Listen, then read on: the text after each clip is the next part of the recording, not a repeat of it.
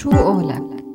لاحظنا مؤخرا انتشار ظاهرة تغيير أسماء المناطق والشوارع والأحياء السورية بناء على اعتبارات كثيرة بعض هاي الأسماء كان بيرتبط بموروث شعبي أو اجتماعي أو تاريخي أو طابع قومي قديش بتأثر هي التغييرات على ذاكرة المدن السورية وشو أهمية أنه تحمل أسماء طابع المدن والبلاد؟ ومين الجهة المسؤولة عن تغيير أسماء المعالم وشو المعايير يلي المفروض يكون هالتغيير على أساسها؟ هي الأسئلة وغيرها رح نطرحها على ضيفتنا لليوم هبة قباني مؤسسة مشروع باشتان كمبادرة ثقافية تنموية اجتماعية بتهدف لتعزيز الانتماء السوري من خلال معرفة تاريخ مدننا. المهندسة المعمارية هبة قباني مؤسسة وصاحبة مشروع باشتان. أهلا وسهلا فيك ضيفة عزيزة على برنامج من سيرة لسيرة عهوى راديو سوريالي. أهلا وسهلا فيك هبة.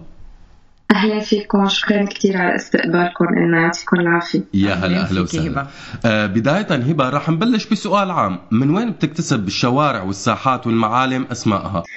أه حقيقة أي شارع بمدينة أو حارة أو ساحة بياخد اسمه من شخصيات مثلا أه سياسية فنية أدباء قادة رجال دين مثلا ممكن حتى ياخدوا لأسماء قرى قارات جبال أو أحيانا بيسموا هاي الشوارع والحارات بأسماء أحداث مهمة صارت بهي المدينة. آه، أحداث كان لها طابع كتير مهم وتأثير كتير مهم على ذاكرة المدينة فبيعطوها هي الاسم يعني. تمام. طب هبة اليوم عم نواجه بسوريا ظاهرة تغيير أسماء شوارع وحارات تعودنا نحن عليهم من قبل. يا ترى شو تأثير هالشي على ذاكرة المدينة؟ أه صراحة تأثيره كتير كبير. يعني ذاكرة المدينة هي جزء أه كتير مهم من أه من تاريخ هالمدينة نفسه.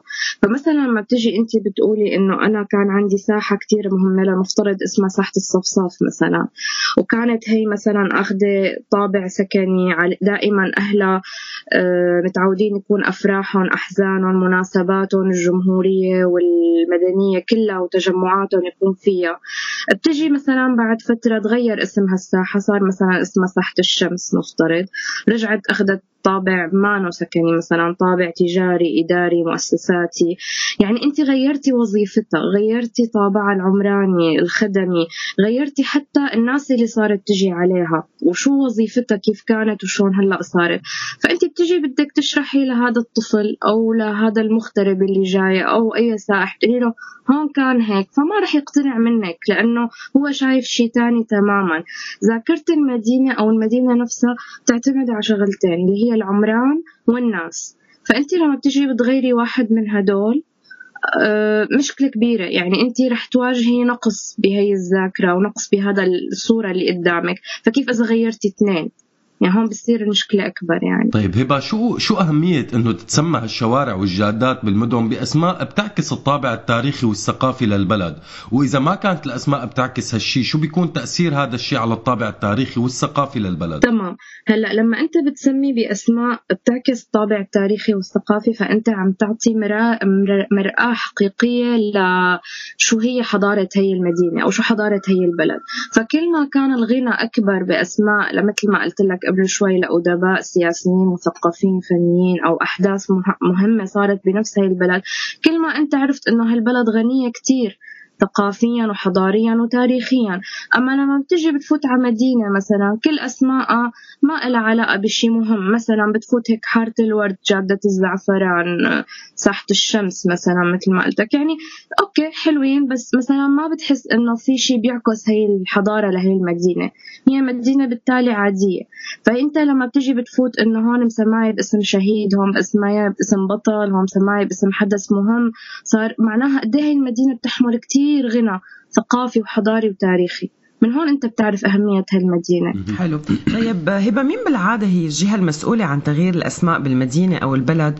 وشو هي يا ترى المعايير والشروط يلي المفروض يتم تغيير أسماء الشوارع والساحات بأي مدينة على على أساس هي المبادئ؟ تمام. هلأ هو المفروض والمتعارف عليه إنه بيكون في لجنة عليا مثلا لجنة عليا وطنية بتتسمى مثلا تابعة للمحافظة لأي مدينة أو لقطاعات حكومية بهي المدينة. دائما بتساويها مثل عنا مثلا وزارة الإدارة المحلية. فمثلا هي الوزارة بتشكل آه، تطلب من المحافظات تشكيل هي اللجنة وكل لجنة مسؤولة عن هي التسميات. آه، هلأ شو المعايير والشروط هي بتختلف؟ مثل ما قلت لك حسب المدينة. قد إيه مثلا هدول اللجنة كتير عندهم مهم إنه يعكسوا الطابع الثقافي والغنى الحضاري لهي المدينة. قد إيه هن مثلا بالنسبة لهم لأ إنه نخليها حيادية الموضوع ونسمي أسماء عادية. فيعني هي بتختلف من بلد لبلد ومن مدينة لمدينة يعني. تمام.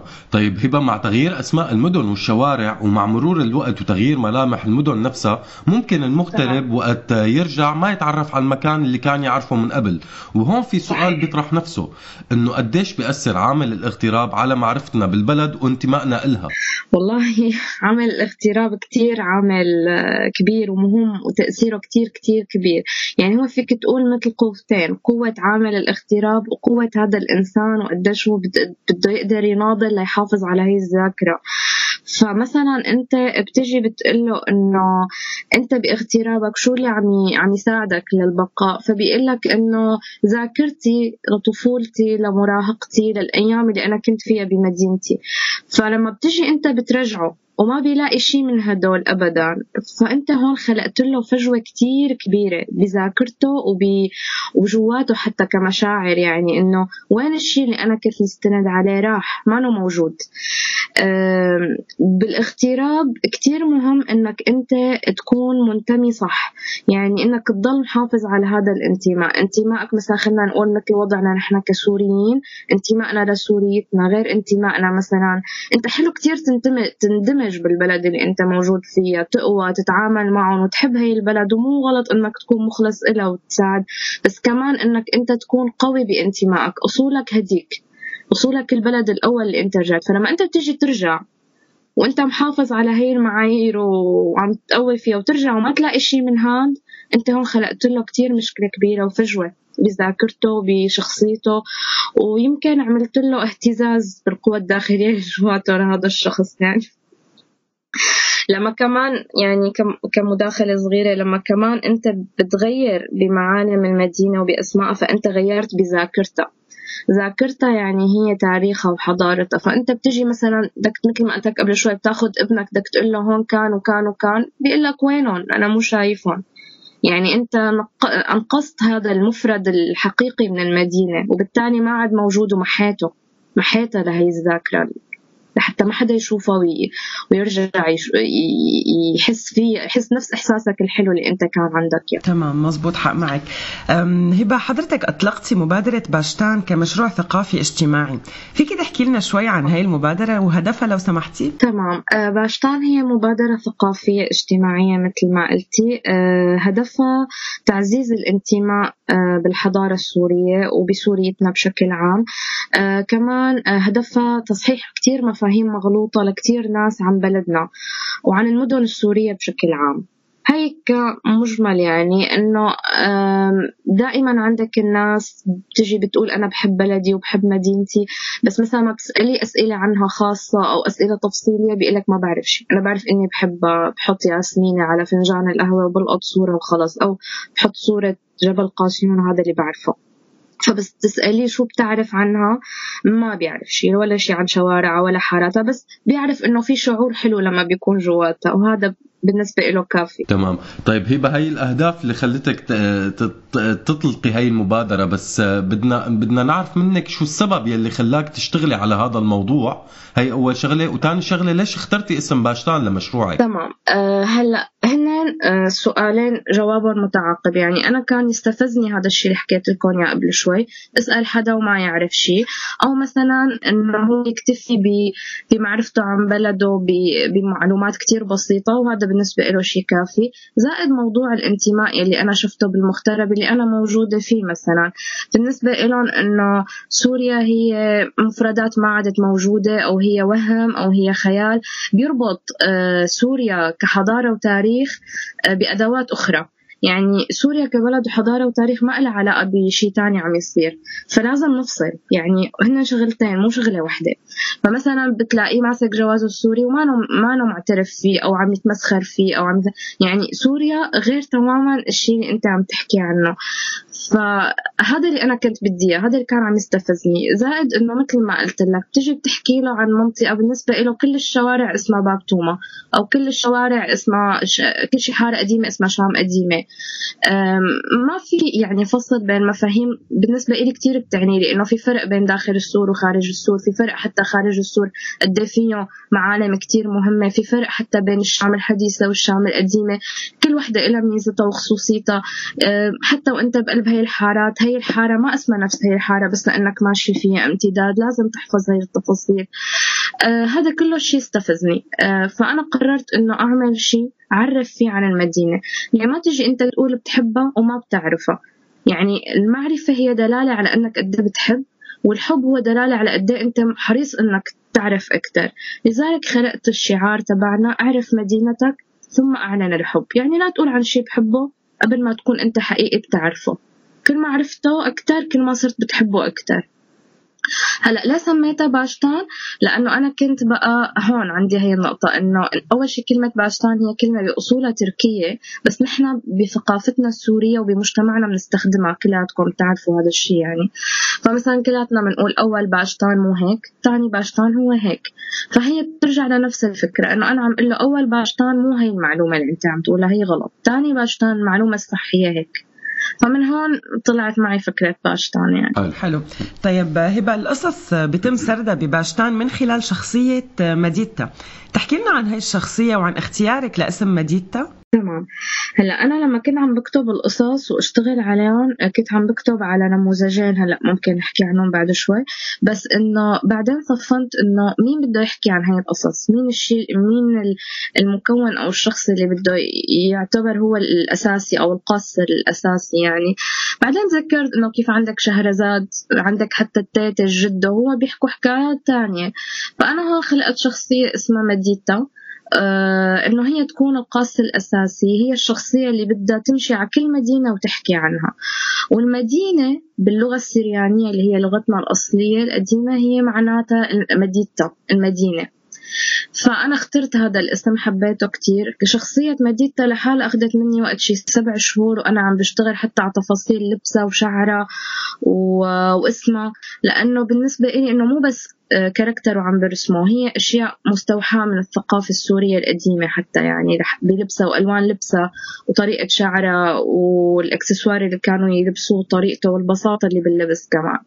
فهذا كله آه، أخذ مني وقت شي سبع شهور. يعني ما إنه عم بعمل أي شيء يكون بس مجرد آه، رسمة وخلص. هو رمز. أي شيء عم يكون ترميز لشيء تابع لهدف المشروع نفسه أو المبادرة. تمام. طيب هبة مثل ما حضرتك تفضل تفضلتي عفوا شوي إنه القصص عم يتم طرحها من خلال قسمين اللي هن حكايا وليد وحكايا شام. تحكي لنا عن القسمين أكثر وشو بيقدم كل قسم وكل قسم لمين الفئة المستهدفة. تمام. هلأ أنا لما كتبت آه، كنت عم بلش بوليد وأبوه هن كانت فكرته إنه طفل آه، بلش يوعى إنه هي شو وهي ليش وهي كيف بلش الفضول عنده مثل أي طفل بأول وعيه. فهون بل اخترت هذا ال character تبع ال character الفضولي و character لشخص مثقف حريص على أنه ابنه ما يكون عنده فراغ بهي الأسئلة ما يكون ما عنده جواب إلها.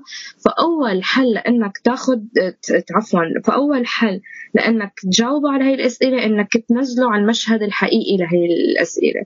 فإنه هذا الأب ورجى ابنه إنه له شو صورة الأموي وشو هذا الجامع وليه هيك اسمه ومن وين هاد وين عنا؟ فإنه يلا امشي نعمل رحلة ونتعرف على مدينتنا صراحة هو مو مجرد آه، سؤال وجواب هو صراحة واجب حقيقي على كل أهل. مثل ما واجبهم يأمنوا لهم أكلهم وشربهم ومدرستهم هو واجب كمان يزرعوا الانتماء الحقيقي لبلدهم وسوريتهم تجاه هذا الطفل.